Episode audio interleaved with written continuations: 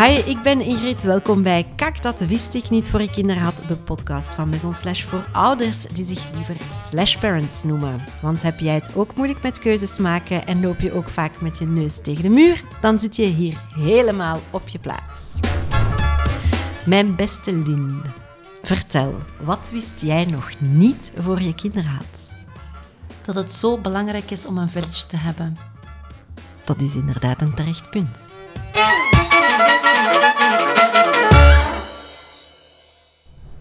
Uh, ja, dat is hier al uh, de laatste aflevering van dit eerste seizoen. Dat gaat hier uh, super snel. En naast mij zit Lin Gerik. Welkom. Dank je. Um, ja, It Takes a Village to Raise a Child. Daar gaan we het vooral over hebben, Lin. Maar daarvoor heb ik jou toch uitgenodigd. Misschien moet je zelf toelichten waarom ik jou daarvoor zou uitgenodigd hebben. ja, inderdaad. Het, um, het is de ondertitel van mijn boek, Goed Omringd. Ah, een boek. Kijk, ik heb het hier alvast ah, liggen. ik zie het. Kijk, ik geef het hier ook even mee naar de camera voor de mensen die naar YouTube kijken. Foto, beeld. Goed ja. omringd heet het. Inderdaad. Ik vind het persoonlijk een goed boek, maar ik laat je verder praten. ja, het is natuurlijk um, geen vondst van mezelf, uiteraard. Het is een, uh, een quote die redelijk regelmatig wordt gebruikt als het over uh, kinderen gaat. Je bedoelt, it takes a village, it takes to, raise a village to raise a child. Ja, het is van oorsprong een Afrikaans spreekwoord en daar is ook een reden voor. Want het, is, um, het past ook beter bij de Afrikaanse context dan bij onze westerse context. Tegenwoordig bedoel je dan? Ja, tegenwoordig, want er, er waren ooit wel andere tijden en er zijn um, ook nog wel andere gemeenschappen in deze wereld. Hè. Dus als we echt gaan kijken naar de westerse ouder, dan um, is het wat moeilijker toepasbaar. Maar it takes a village to, to raise a child. Mij zeiden ze altijd van, goh, in de jaren 50, 60, 70 was dat nog wel echt allee, ja, gangbaar dat uh, de, pakweg de buschauffeur uw kind zou zeggen van oh jongens, moeten jullie wel op straat hangen? Of uh, de lokale slager of bakker wisten ook waar uw kinderen waren. Er was toch wel It Takes a Village to Raise a Child toen. Ja, dat klopt ook. Het, het, het is iets dat we een beetje kwijt zijn gespeeld. Ja, dus ja. het is niet echt Afrikaans-Europees. Het is gewoon, we zijn te individualistisch geworden of zo. Dat kan je eigenlijk wel zeggen. En uh, pas op, ik, ik, zeg altijd dat individualisme heeft ons ook heel veel mooie dingen gebracht. Hè? We, hebben, we hebben meer privacy, we hebben meer keuzevrijheid. Uh, we kunnen meer van onder het juk komen, zo van de verwachtingen. Hè? Als uw vader slager was, dan hoeft jij niet noodzakelijkerwijs ook slager te worden, wat vroeger wel meer verwacht werd. Um, dus het heeft ons zeker ook heel veel mooie dingen gebracht. Alleen moeten we wat opletten soms dat de um, klepel niet te ver doorslaat. Mm -hmm. En dat we daarin toch te geïsoleerd worden van elkaar. Maar we zijn hier meteen in het onderwerp gedoken. Misschien moeten we jou nog eerst een beetje voorstellen. Jij bent ook een slash parent. Uit welke slashen besta je allemaal? um, ja. En misschien moet je je armbanden eventjes aan de kant leggen, want dat gaat heel veel... De hele tijd. Jingelen. Straks. Voilà, bij deze, geen probleem. Um, ja, um, ik, ik, ben, ik ben moeder in eerste instantie. Daar begin ik altijd graag mee. Ik heb drie kinderen uh, van acht, zes en drie. Um, dus ja, die gaan allemaal naar school. Dat, is, dat is fantastisch. Recentelijk. Dat, ja.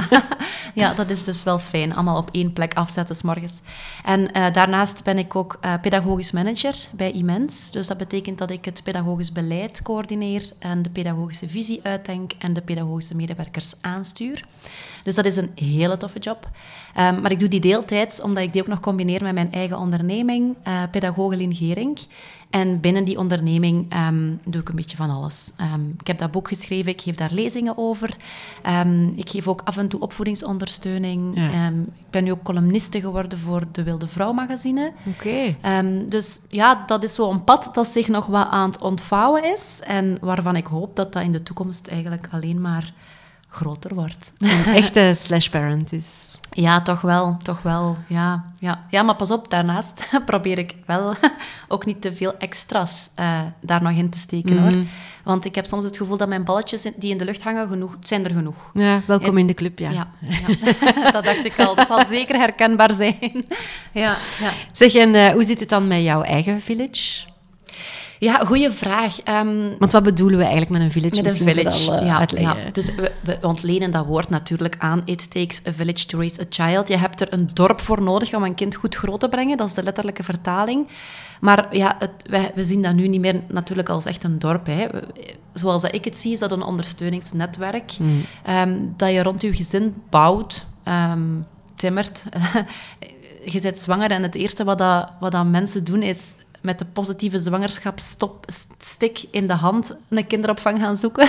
Ja. Ehm, dus dat is aan uw village timmeren. Hè, van oké, wie zorgt er voor het kind? Ehm, ik wil mijn kind ingeschreven krijgen op een school, dus ik ga achter mijn computer gaan zitten op het aangegeven moment en ik zorg dat ik de eerste ben, dat ik er zeker bij ben. Veel stress, hè? Wij hebben toen zelfs nog moeten kamperen om een schooltje te bemachtigen bij ons in de buurt. Ja, sommige Ehm, mensen willen wel liever terug naar het kamperen, toch? Ja.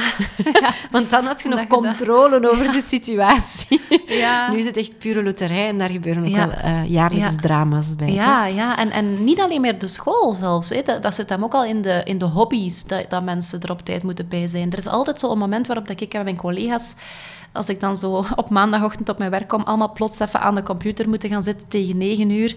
Ja, maar wacht, de muziekschool, het is nu of nooit. En ah, damn, Ja, ja, ik wacht. zit er al niet meer eh, bij. mijn kind heeft ADHD, moet naar de kinderpsychiater.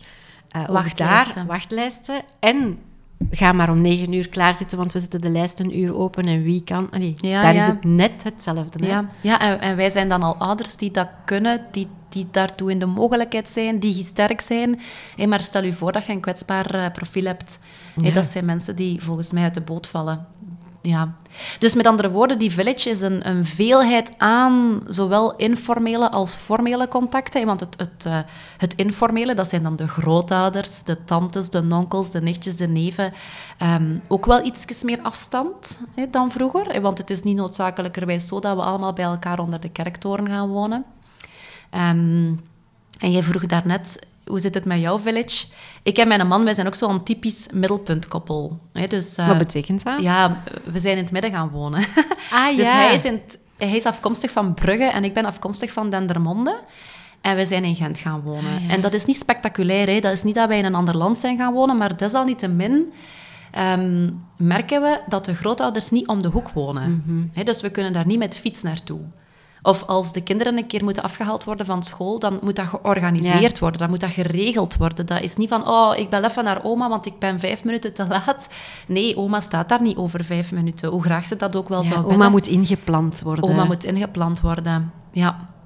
Dus dat, dat is mijn persoonlijke ervaring geweest. En dat is iets dat je pas merkt als die kinderen er zijn. Want toen dat wij in Gen- Gent gingen gaan wonen, waren wij een jong koppel. en dan is het bij wijze van spreken...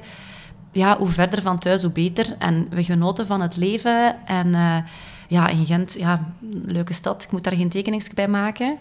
Dus eh, we kochten daar dan een huis. En allemaal niet zoveel over nagedacht eigenlijk. En toen kwamen er kinderen... En dan bleek dat niets vanzelfsprekend was, want ze gingen niet naar die oude school van mezelf gaan of naar die oude kinderopvang. Allee, dat was in mijn geval nu niet van toepassing, Ja. want mijn mama was zelf een ontaalmoeder. Dus er, er, waren zo, er, er was zo geen geëffend pad. Een echte, kak, dat wist ik niet, voor haar kinderen was erlevenis, Ja. denk ik dan. Ja, echt kak.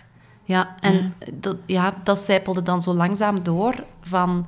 Dit is iets dat we zelf moeten orchestreren, dat we zelf moeten organiseren.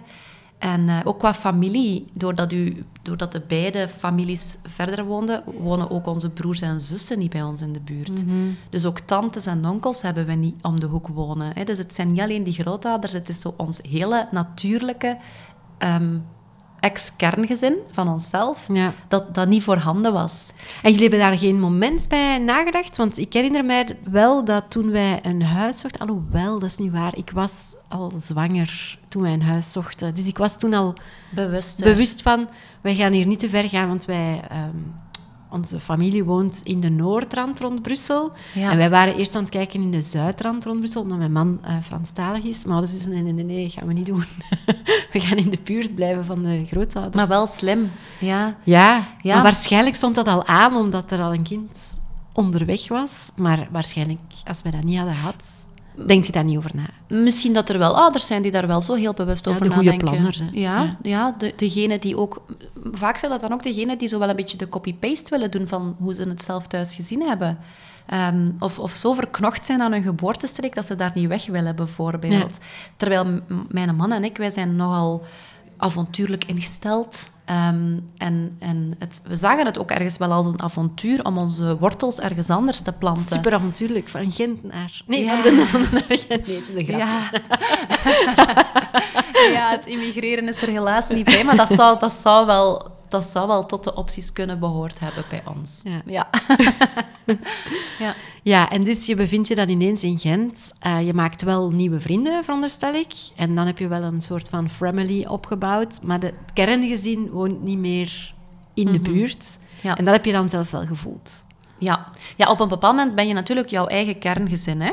Ehm, en, en dan moesten we het inderdaad doen met ehm, de vrienden en de buren en ehm, de formele partners die je erbij krijgt, zoals de vroedvrouwen en dan de kraamverzorgsters en dan de kinderopvang en dan de school. Ja, ik ben zo wat de verschillende stadia van de leeftijden aan het overlopen. Hè. Dus er komen wel mensen bij. Ehm, maar eh, ja, het, het, het, het vraagt zowel wat organisatie en ook wat uitreiken. Ehm, om die toe te laten, om die toegang te geven. ehm, om daar ook hulp van, van te aanvaarden. te durven ja, ja, u kwetsbaar opstellen ook wel. Want sinds, sinds ik dat boek heb geschreven, ehm, en ik, pleit daar ook ja, voor, voor de village, en, en ik, ik, ik stel ergens aan de kaak dat er tegenwoordig best wel wat village-armoede is, dat ouders zich best wel wat geïsoleerd voelen. En ik krijg ongelooflijk veel reacties en erkenning van ouders die zeggen... Ah ja, dat, dat voel ik ook. En fijn dat daar eens een naam aan gegeven wordt, aan dat gevoel van, van geïsoleerd zijn en die eenzaamheid die mij wel vaak overvalt. Zo die eerste jaren van mijn moederschap of vaderschap. Ja, Ehm, hoor je dat vaak, dat mensen heel eenzaam... Ik herinner mij wel, eh, ondertussen 14 jaar geleden, dat mijn eerste kind geboren was. Er was nog niet echt Facebook. Het was 2008. Dat was er een beetje, maar niet dat je daar verbondenheid voelde. Ik voelde mij heel eenzaam zo. Thuis, iedereen was aan het werken. Ik zat er met mijn baby. Ja. Er was wat day-television op Vitaya, dat was het ongeveer. Netflix was er Oh, nog ja. niet. dus het was ook een andere... Ik weet dat ik de hele tijd met die koets overal naartoe ging, met lunchen, maar mijn baby kon dat eigenlijk niet aan. Ehm, Ja, je zoekt de publieke ruimte op. Hè? ja, dat was moeilijk. Ja. Dat was moeilijk. En dat is ook eigen aan uw natuur als mens. Want wij zijn eigenlijk collectieve opvoeders. Als je gaat kijken naar de geschiedenis van de mensheid, dan zijn we eigenlijk altijd collectieve opvoeders geweest. En wat betekent collectieve opvoeders? Dat ik niet als moeder de enige opvoeder moet zijn, maar dat er andere mensen mee opvoeden. Ja, dat, het een allegaartje is. dat, Ja. stel, je, stel je een huis voor waar dat er verschillende generaties wonen. Ehm, dan, dan zijn er veel kinderen, nichtjes, neefjes van elkaar. En dan wordt er minder beslag gelegd op jou als individuele ouder. Ja. Ehm, als, als er een kind valt, dan ben jij niet noodzakelijk degene die dat kindje gaat oprapen, want daar loopt ook een tante, een onkel, een oma, een opa of grotere neefjes en nichtjes lopen daar ook rond. Ja, Ehm, want nu is dat wel waar. Dat is een gigantische verantwoordelijkheid dat wij krijgen nu. Hè? Dat valt allemaal op de ouder. Of is dat iets dat ik Ja. mij inbeeld? Ik heb dat nu zelf ehm, met die smart school. Ik word daar echt onnozel van. Mag je dat even delen? Ah. Ja. Maar je bent daar ook niet de enige in. Nee, ik krijg een hele dag, en ik weet, je kunt dat uitzetten, maar ik krijg daar ping, ping, ping, ping, ping. Je zoon heeft, I don't know, ehm, snoep op de grond gegooid. En ik denk, maar mijn ouders kregen nooit mijn notas te zien. Als het niet extreem erg was, kwamen die dat nooit te weten. En ik heb het gevoel dat ik bij, als ouder overal word bij betrokken. Ja. En ik ben daar zeker geen vragende partij. Nee. Dat is, eh, in literatuur wordt dat omschreven als een intensief ouderschap. Ehm, dat kan leiden tot parentale burn-out. Ja. Dus dat is een type burn-out die vooral ouders treft. Het woord zegt het zelf. Ehm, en waarin dat zij eigenlijk die oververantwoordelijkheid, die hyperverantwoordelijkheid, eigenlijk, dat dat hen te veel wordt. Ehm, daar, daar bestaan ook zo'n paar begrippen. Hè. De helikopterouder of de curlingouder. De- dat zijn de ouders die inderdaad ehm, het kind bijna gaan oprapen alvorens het gevallen is. Ja. Die, die altijd klaarstaan. Ja. En alle obstakels voor het kind wegboenen, zodanig dat het gladjes eh, door zijn ontwikkeling eh, glijdt. Ehm, en maar dat, dat, is, dat is zo een, een grote verantwoordelijkheid, waar dat wij dat vroeger ehm, niet alleen voor stonden. Het- En wat is er dan veranderd? Eh, wa- waarom, waarom zeggen scholen vandaag, wij krijgen te veel verantwoordelijkheid? En waarom zeggen ouders ook, wij krijgen te veel verantwoordelijkheid? Wat is daar dan veranderd? Want alle beide partijen zeggen, we hebben ineens plots te veel verantwoordelijkheid. Wat, wat is er dan veranderd volgens jou? Ja, het, ehm, de, de, de focus op het kind is toegenomen. Dus ik, ik, ik ben zelf eh, een paar jaar geleden naar Afrika geweest. Uh, om eens een kijkje te gaan nemen in zo'n Afrikaans dorp. en, uh, er Naar aanleiding van het boek, om te zeggen van zo'n village, hoe zit dat in elkaar? Of nee, was het toeval? Nee, dat was toeval. Okay. maar ik kon het er natuurlijk wel mooi aan linken. en het was ook echt zo'n Afrikaans dorp waar ze bij wijze van spreken nog niet zo heel vaak met blanken waren geconfronteerd. Um, dus dat was ook nog heel puur. En ik weet dat er daar een hele grote groep kinderen liep. Ehm, je zou kunnen zeggen, oh, moederziel alleen. Hè. En, um, ja, maar ergens ging daar ook heel veel vrijheid vanaf. Die kinderen wisten dat die ouders daar ook waren in de omgeving. Hè. Dus dat, dat zij daar wel beroep op konden doen als het nodig was. Maar voor de rest waren zij zich daar aan het amuseren. Uh, speelgoedloos, met um, materiaal uit de natuur, takjes, modder, uh, met ons, Westerlingen. Ja, oh. voor wie het interesseert, de podcast die uh, twee weken geleden is online gegaan, gaat helemaal over creativiteit met niks buiten de dingen in de natuur. Dus, ah, fantastisch. ja, maar dat terzijde. ja. ja, maar de, de focus op het kind was daar niet. Um, er is een heel goed boek um, en dat heet Het Continuum Concept van, ja, de schrijfster ontglipt mij eventjes. Jane Lidloff. Ja, daar is ze. ze zat ergens verstopt. Ja.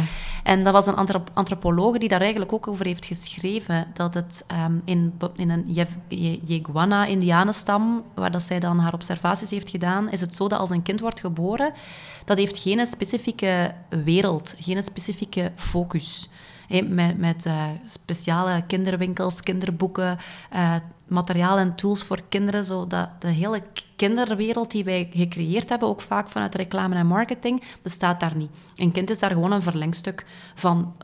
Of de, de, de het, het, voorgaande van de volwassenen, zal ik nu maar zeggen. Dus een kind wordt geboren en wordt meteen meegenomen in de dagdagelijkse activiteiten van de ouders.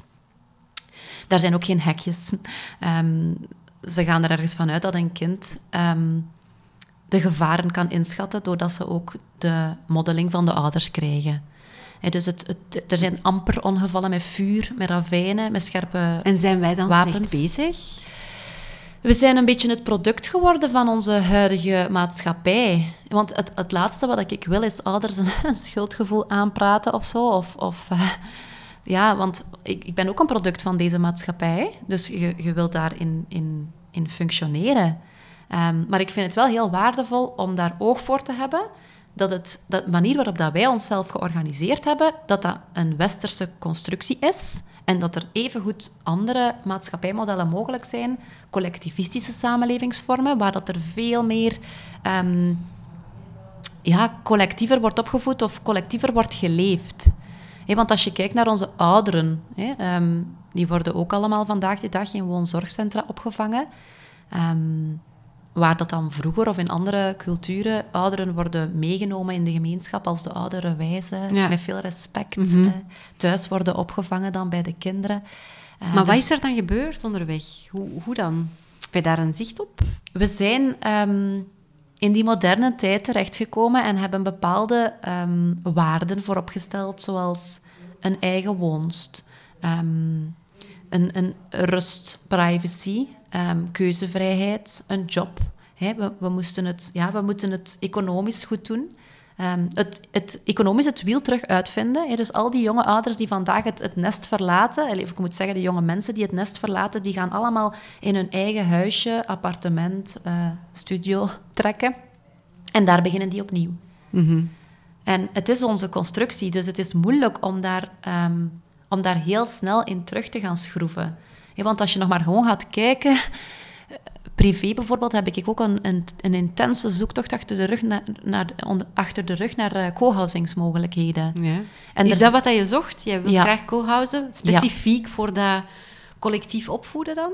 Ja, uiteraard heb ik daarbij aan mijn kinderen gedacht, maar ook aan mezelf, want ik ben ook een heel sociaal mens en ik floreer ook um, van het onder de mensen zijn. Um, ik wil mij ook graag kunnen terugtrekken. Ik wil ook graag wel mijn, mijn, mijn mijn privacy opeisen. Maar ik wil ook wel heel graag um, onder de mensen kunnen zijn wanneer ik daarvoor kies. Mm -hmm. um, en, en ook als vrouw wil ik graag onder de vrouwen zijn. Hey, ik denk dat dat ook iets is dat we een beetje kwijt zijn. Ja, echt? Zo. Sisterhood. Ah ja, oké. Okay. Ja, ja. Ja. En mannen onder de mannen trouwens, hè, maar ik zit hier natuurlijk als vrouw. Ja, ja dus tuurlijk, tuurlijk, Alleen maar vanuit mijn eigen perspectief praten. Maar uh, ja, zo het, het, beeld u even in, hè, het, het, het, um, het beeld van de vrouwen die aan het wassen zijn in de rivier. En de kinderen scharrelen, scharrelen daar rond en de mannen die zijn op tocht. ik ben nu wel op stereotypen aan het trekken. Nee, natuurlijk. maar ik snap het. Maar- Ik krijg daar wel wat... Ik denk, nee, ik wil helemaal niet... Nee, ik wil niet co-house. Nee. En ik wil niet eh, samen de was doen met Nee, andere vrouwen. maar pas op, ik was nog niet uitgesproken. Ik wil ook niet terug naar dat beeld. Maar het is wel ergens een behoefte die we, die we kwijt zijn om op verhaal te komen bij elkaar. Want die vrouwen die hadden het dan wellicht ook over heel vrouwelijke thema's. Maar die- doen we dat niet nog altijd? Met uw vriendinnen samenkomen? Ja, ja en nee. Ik denk dat daar toch ook wel wat verloren in is gegaan. Het is niet meer zo vanzelfsprekend. Het, je moet het opnieuw in je agenda inplannen. Hè, dus je, je kunt zo niet je momentjes kiezen of zo. Of, eh, ja, het, het, ehm, de verantwoordelijkheid om dat te gaan doen ligt weer nog altijd bij ons. Ja. Hè, dus als het een keer niet goed zou gaan met jou, ehm, stel je sukkelt in een burn-out of zo, of, of, je, of je hebt net te horen gekregen een of andere diagnose en het gaat niet goed, ehm, dan zullen je vriendinnen wellicht komen, maar het is niet zo een constante zorg die er kan ehm, georganiseerd worden om ook de kinderen allemaal verder te helpen en naar school te brengen en een keer dingen over te nemen of je potje te koken of zo. Maar is dat dan niet het stukje beter een goede buur dan een verre vriend verhaal? Ehm, en want co-housing is een hele radicale keuze. Enfin, een hele radicale keuze. Ik wil zeggen, dat is wel een specifieke keuze dat je maakt om te gaan co-housen. Ik denk, maar ik ben geen extravert persoon, ook al maak ik hier veel lawaai op met zo'n stage. Maar ik ben Ja. heel graag alleen. Ik denk, maar je kunt mij geen grotere verschrikking aandoen om te zeggen, ga nu allemaal samenwonen met andere gezinnen in Ja. één huis. Ik denk, nee. Ah ja, maar misschien moet ik ook wel nog een misverstand wegwerken over co-housing. Want de co-housing, dat is ehm, ook met aparte woningen. Hè. Dat Ja. is het enige wat gedeeld is, de tuin. Ah, Vaak heb je- is niet het stukje, we gaan samen eten Nee. maken. Nee, nee, nee, nee, nee. De moderne versie van co-housing, dat zijn allemaal verschillende huizen op één terrein. En dan wordt er een gemeenschappelijk paviljoen afgesproken, waar dat er een grote feestzaal is bijvoorbeeld, eh, met een toog. hè. En daar kan dan gekozen worden om daar samen te komen, maar je kunt even goed gewoon in je huis gaan zitten. Ehm, dus je hebt echt ook alles in je huis. Hè. Er zijn co-housingsprojecten die ervoor kiezen om bijvoorbeeld de wasmachines en zo toch op een gedeelde plek te zetten. Maar ook dat is eigenlijk allemaal heel individueel te kiezen. Want de co-housing waar dan wij dan even aangehaakt zaten, maar dan niet zijn in doorgegaan, ehm, daar was alles gewoon beschikbaar in ons eigen woning. Het enige wat we on plus kregen, was een gemeenschappelijke eh, tuin, aanpalend aan een bos en dan een paviljoen met een feestzaal. Dus het, het, ja, het klonk wel... Het klonk wel aantrekkelijk. En er was ook sowieso nog een stukje privétuin. Maar het is niet gelukt. Je bent niet gaan co-housen. Ja, het, laat ons zeggen dat ik er gewoon zelf de stekker uitgetrokken heb. Omdat het... ehm, ik had net gesproken over die balletjes in de lucht. Hè, maar dat vraagt ook veel... ehm, ja, zo in een co-housingsproject stappen. Dat het, het, als je alleen zou gaan bouwen, dan heb je ook al heel veel werk. Hè, architecten, eh, aannemers, eh, bouwvoorschriften.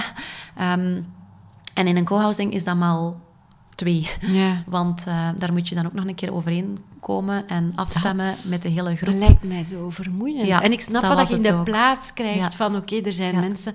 Maar stel dat je daar dan niet mee overeenkomt. Ja, Wat dan? Dat is zo'n... Voor mij... Ja... Je kan ook met buren echt geluk hebben en echt ongeluk hebben. Stel dat dat mensen zijn die superleuk zijn, dan geweldig. Maar Ja, en dat heeft zeker meegespeeld in onze beslissing, want op vandaag wonen wij ook leuk en hebben wij ook aan weerszijden eh, buren met jonge kinderen, waar dan we Voilà. de tuinen eh, opengemaakt hebben, dus die kunnen over en weer. En als ik dan gewoon heel eerlijk was met mezelf, ja, ik dacht even van ja, ik als de schrijfster van Goed Omringd, It Takes a Village to Raise a Child, ik moet toch wel in een co-housing gaan zitten. maar ja, als ik dan echt heel eerlijk was met mezelf, dan dacht ik ja, eigenlijk hebben we hier een mini-versie. ja... Dus en en ehm, het, het ging mij veel minder eh, kopzorgen geven, want dan ja, moest ik niet aan die twee wekelijkse vergaderingen deelnemen om dat allemaal mee in goede banen te helpen leiden. Terwijl ik er op dat moment in mijn leven even de energie niet voor had, want ik was toen ook dat boek aan het schrijven. Mijn kinderen waren ook weer nog wat kleiner. Ik spreek over twee jaar geleden. Ja, het is Ehm, veel, hè? Die bouw is er ondertussen ook nog altijd niet. Ah, ja, dus ik kan dat zo wel wat volgen. En dan denk ik, ja, goed dat wij er de stekker hebben uitgetrokken. De bouwmaterialen zijn ook aan het opslaan. Maar, maar, het, maar het, ehm, de, de ideologie is er wel, hè? Ja, zo, of de ja. goesting. Zo. Maar dat vond ik wel mooi in jouw boek. Ehm, in de intro heb je geschreven over dan je bezoek eh, aan Afrika en eh, de kinderen. Daar waren we eigenlijk eh, eerst gestart aan je verhaal. En op een bepaald moment vraag je, hoe gaat het? Dat vond ik een Ja. treffend. Misschien moet je dat even vertellen hoe dat in elkaar zit. Want ik dacht, ah ja, vond ik wel verhelderend. Ja. Ehm, het is inderdaad zo dat, ehm, dat die Afrikaanse kinderen daar dan zo de hele week zo wel wat rond mij eh, cirkelden. En ik daar een enorme vrijheid vanaf zag komen. En ik geen enkele keer een kind kon koppelen met zijn ouders. Ja, dus dat waren zeker geen helikopterouders. Ehm, die ouders die waren er wel, maar ik kon die kinderen niet linken. Zoals we hier wel, als je naar een speeltuin gaat, heel vaak kunt zien... Ah ja, dat zijn de kinderen van die ouders, want die ouders staan erbij.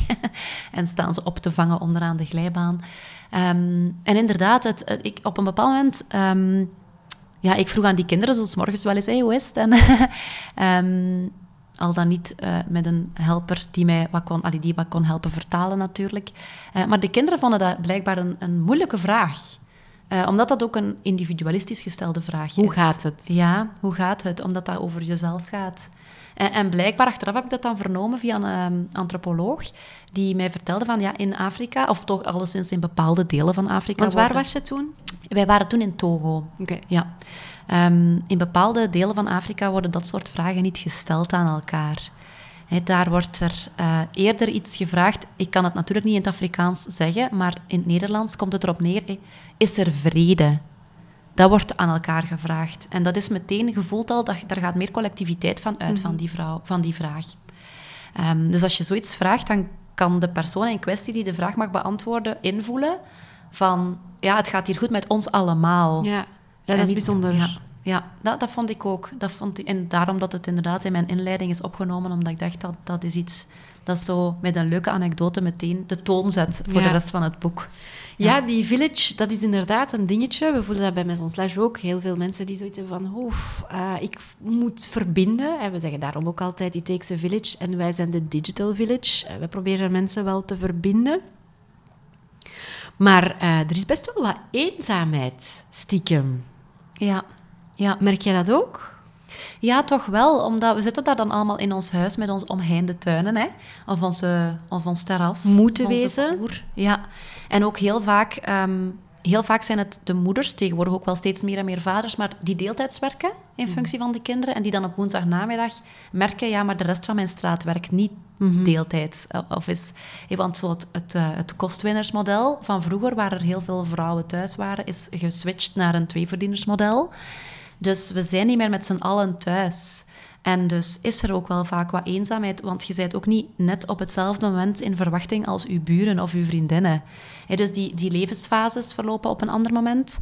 Als je geluk hebt, is dat wel ehm, gedeeld met een zus of een broer of een buurman of buurvrouw, maar eh, heel vaak toch ook niet. Ja. En dan ervaren heel veel ouders ehm, een bepaalde vorm van eenzaamheid. Zeker die eerste jaren. Want van zodra kinderen naar school gaan, dan boort je wel weer een beetje een nieuwe village aan via dat schoolgebeuren. Ja. Ik merk bij mijn eigen kinderen dat die heel veel village binnenbrengen via hun eigen vriendjes.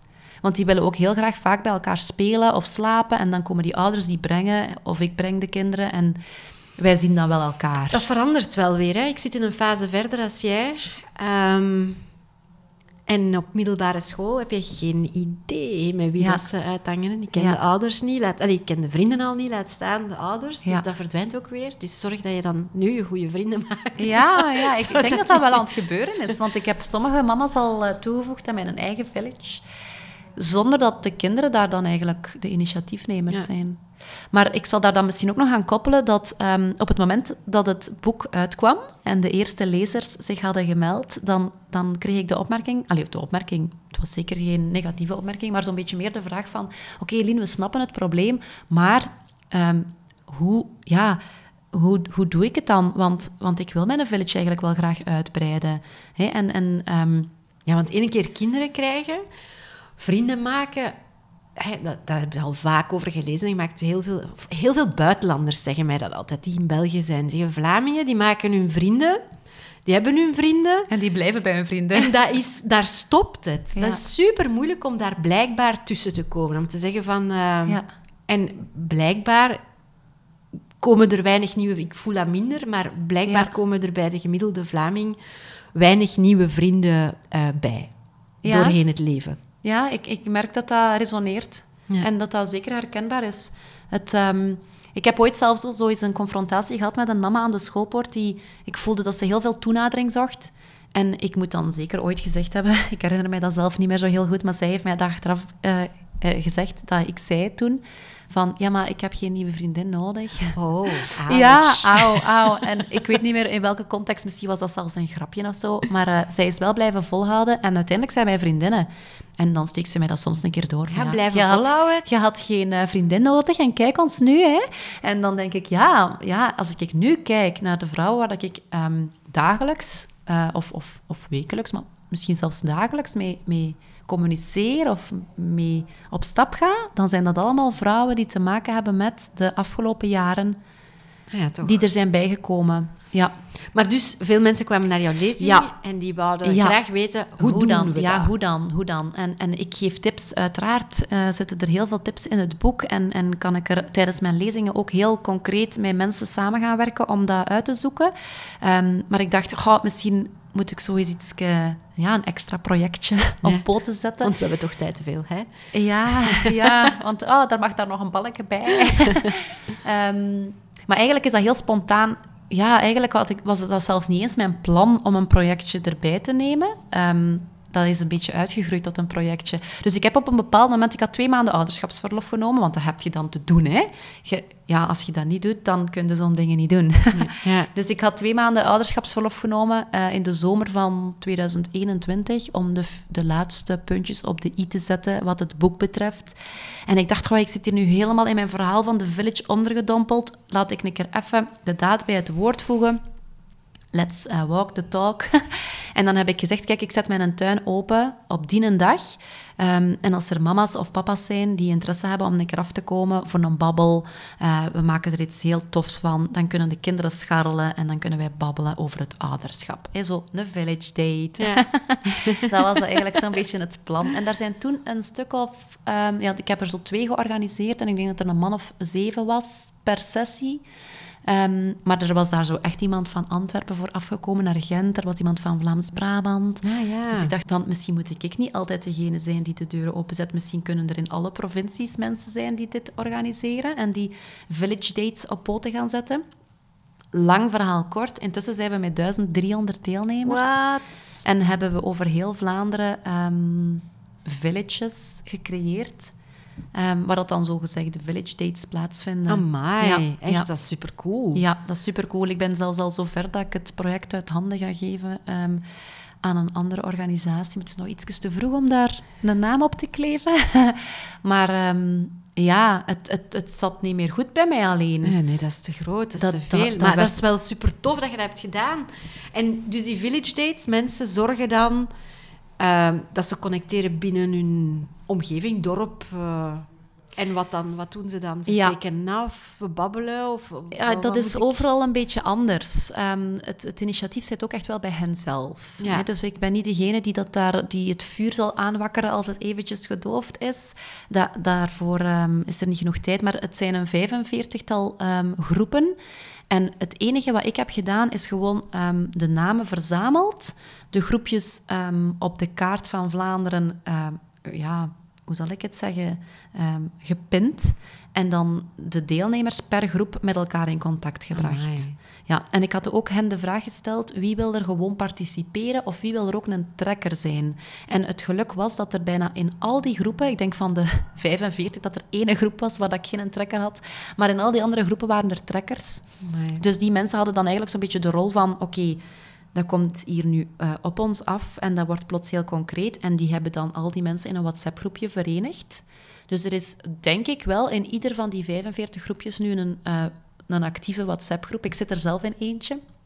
En dat is toch wel, ja, ik ga niet zeggen dagelijks, maar toch zeker om de twee dagen dat er daarin gepost wordt. En dat is gewoon, ehm, ja, ik heb er ook één hele goede vriendin aan overgehouden. Ja, want we gaan vanavond naar eh, Oostende nog, ehm, naar die BV's die uit de kleren gaan voor Kom op TK. Ah, dat is vanavond.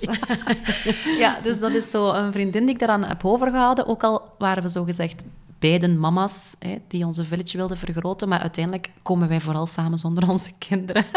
Ja, maar dat is, de winst, Ja. dat is de winst die je eruit haalt voor jezelf.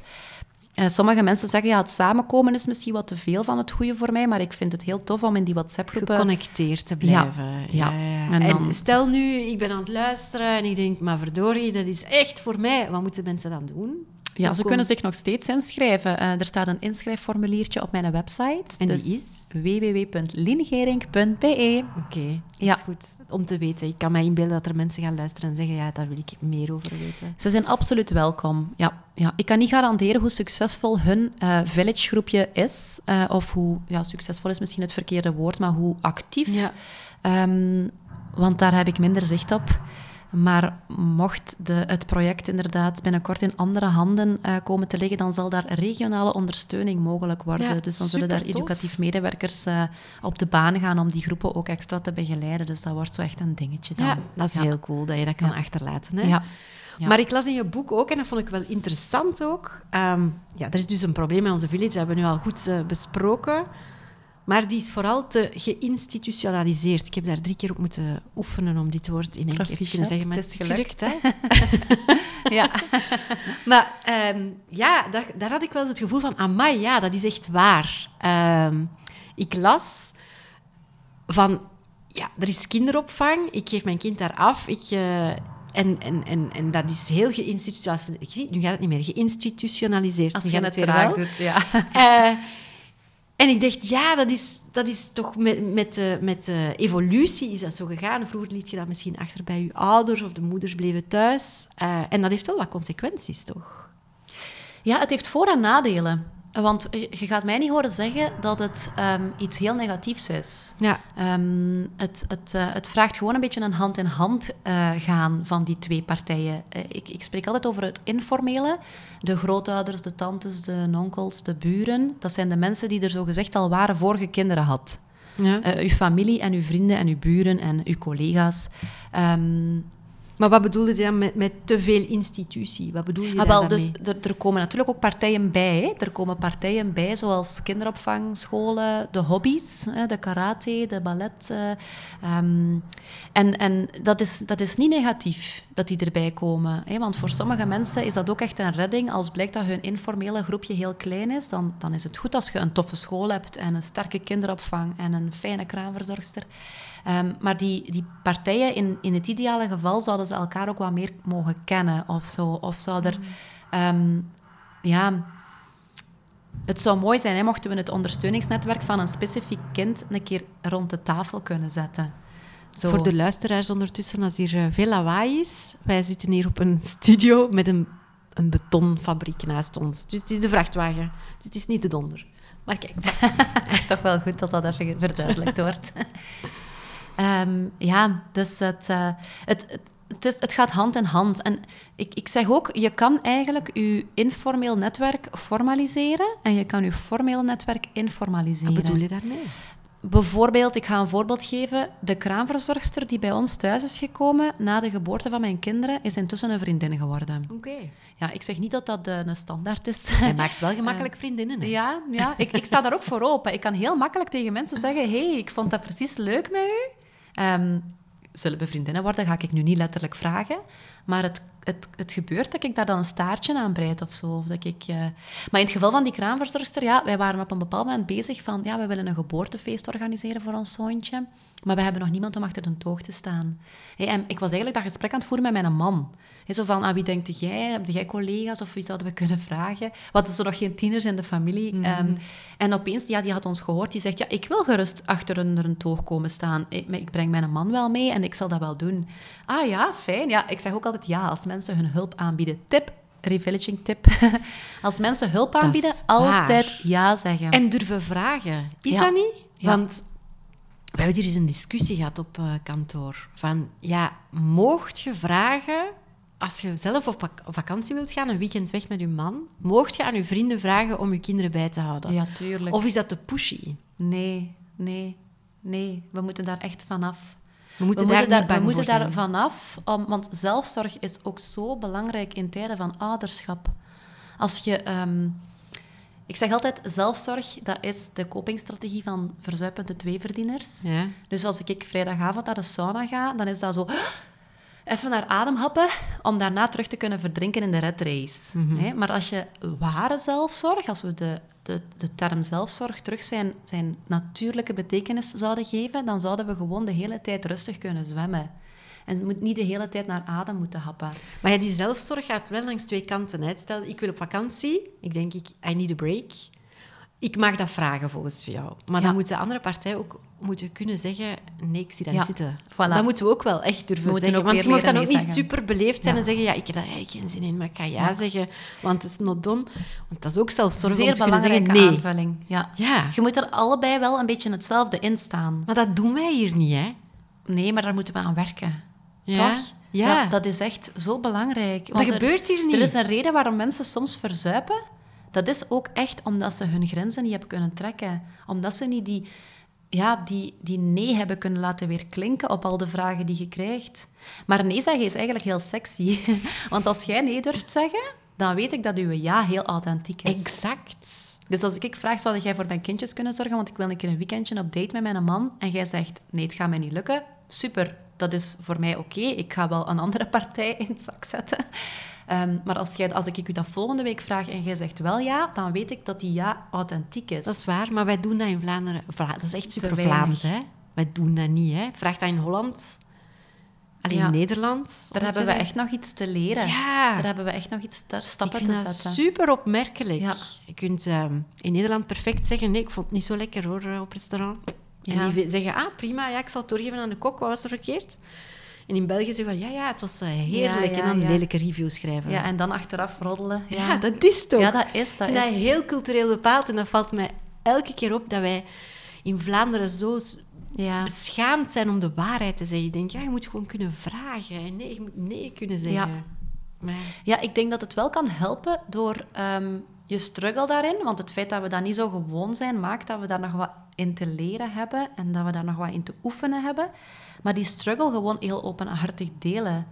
Zo, ehm, ik probeer dat ook wel te doen in mijn, in mijn eigen village. Als ik zoiets iets vraag, waarvan dat ik denk, ja, dat is misschien niet zo Vlaams, om zoiets te vragen, dan deel ik ook wel dat ik even wat moeite had om dat te vragen of zo. ja. En probeer ik zo... Dat niet dat ik mij excuseer voor mijn vraag, maar ik geef daar wat infor- informatie bij.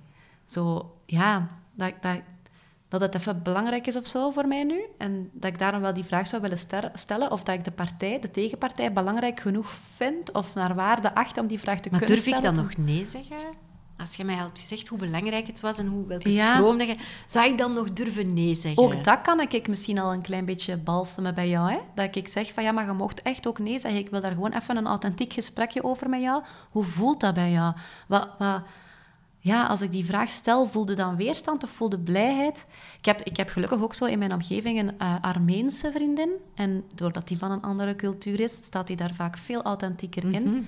En dan zegt zij mij soms, Lin, ik zou het een belediging vinden als je het mij niet zou vragen. Of als ik mijn kinderen bij haar afzet en zij zorgt ervoor en ik kom ze achteraf halen en ik zeg dank u, hè, dank u dat je voor mijn kinderen wil zorgen, dan zegt ze, ik heb geen dank u nodig. Ik heb dit met mijn volle hart gedaan. Jij moet mij, ik moet jou bedanken dat ik dat mocht doen. Oh. Ja, maar dat, dat is fantastisch toch, hè? Ja, ja. Ja, Ja, oké. ja, maar als je zo'n paar mensen in je omgeving hebt, dan leert je snel bij, hoor. Ja. Dan ben ik al wat Armeenser aan het worden dan Vlaams, denk ik. Om, omdat zo iemand in mijn omgeving mij daar af en toe een keer met de neus op de feiten drukt. Ja, ja, ik snap het wel. En ik, wat ik ook echt super leuk vond om te lezen in het boek, niemand kan perfect opvoeden. En dus is het super cool als andere mensen mee opvoeden, want dan heb je verschillende visies. En ik denk, dat is echt waar. Ja. Wij willen het zo perfect doen en iedereen zoekt het juiste antwoord, maar het bestaat niet. Het is de veelheid van Ja. input dat je kind krijgt, dat maakt... Hè? Ja. Is het waar, hè? Ja, ja, toch wel. En in mijn lezingen spreek ik eigenlijk over ehm, potjes. Hè? Dus iedere mens heeft een potje waar dat uw talenten in zitten en ehm, uw vaardigheden, waar je goed in bent, eh, waar dat je ook wat minder goed in bent. Hè? Dus er zit daar van alles in, in zo'n potje. En als je als kind bij ouders terechtkomt, ja, in het beste geval twee of soms ook een alleenstaande ouder of een paar bonusouders, dan haalt je uit die potjes wat je eruit kunt en wilt halen. dus ik ben bijvoorbeeld zo'n mama die graag uh, bakt. Um, die graag wandelt. Dus dat zijn ervaringen die ik mijn kinderen kan bieden. Die zitten in mijn potje. Mijn man, dat is dan dat is een barista in bijberoep. Dus koffie zetten, um, chocolademelk zetten. Dat zijn dingen die, die hij kan bijbrengen aan mijn kinderen. Om maar iets te noemen. Hè. Um, en dan hebben we een buurman. Dat is een Boliviaanse bioloog. Dus dat is al meteen interessant. Hè? Dus wat Klinkt zit, al sexy, ja, sorry. Wat zit er daar allemaal niet in dat potje? Ik bedoel, de Spaanse taal zit in dat potje. Het feit dat hij een konijn kan dissecteren en dat mijn kinderen mogen meekijken, of dat hij reptielen in huis heeft en zo, dat is, dat is zijn potje. Mhm. hè? En, en zijn vrouw is een spoedarts. Dus als ik een probleem heb met mijn kinderen, dan... Er is er eentje gevallen en heeft een hoofdwonde, dan loop ik naar daar en dan gaat zij dat verbinden. En dan heeft zij ook iets kunnen bijdragen uit haar potje. Waarmee dat ik wil zeggen, hoe rijker uw village, hoe meer potjes waar dat uw kinderen iets uit kunnen halen en hoe rijker ook hun belevingswereld wordt. Ehm, als je als koppel um, conflictvermijdend bent, dan gaan uw kinderen niet vaak de kans krijgen om te leren ruzie maken. Mhm. Dus als jij ze op, op een school of, of bij een grootouder of, of een tante of een onkel brengt, waar dat er wel een keer um, ja, een keer heel temperamentvol aan toe gaat, dan kan een kind dat wel met mondjesmaat een beetje meekrijgen van, ah, dat is ook normaal.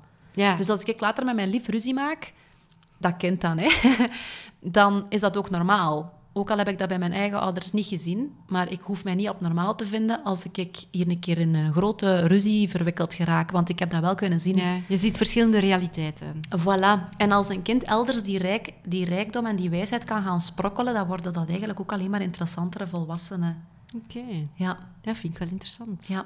Natuurlijk moet je als ouder wel... Ehm, net omdat we hier in het Westen wat op ons eilandjes terechtgekomen zijn, die poort openzetten naar die andere werelden.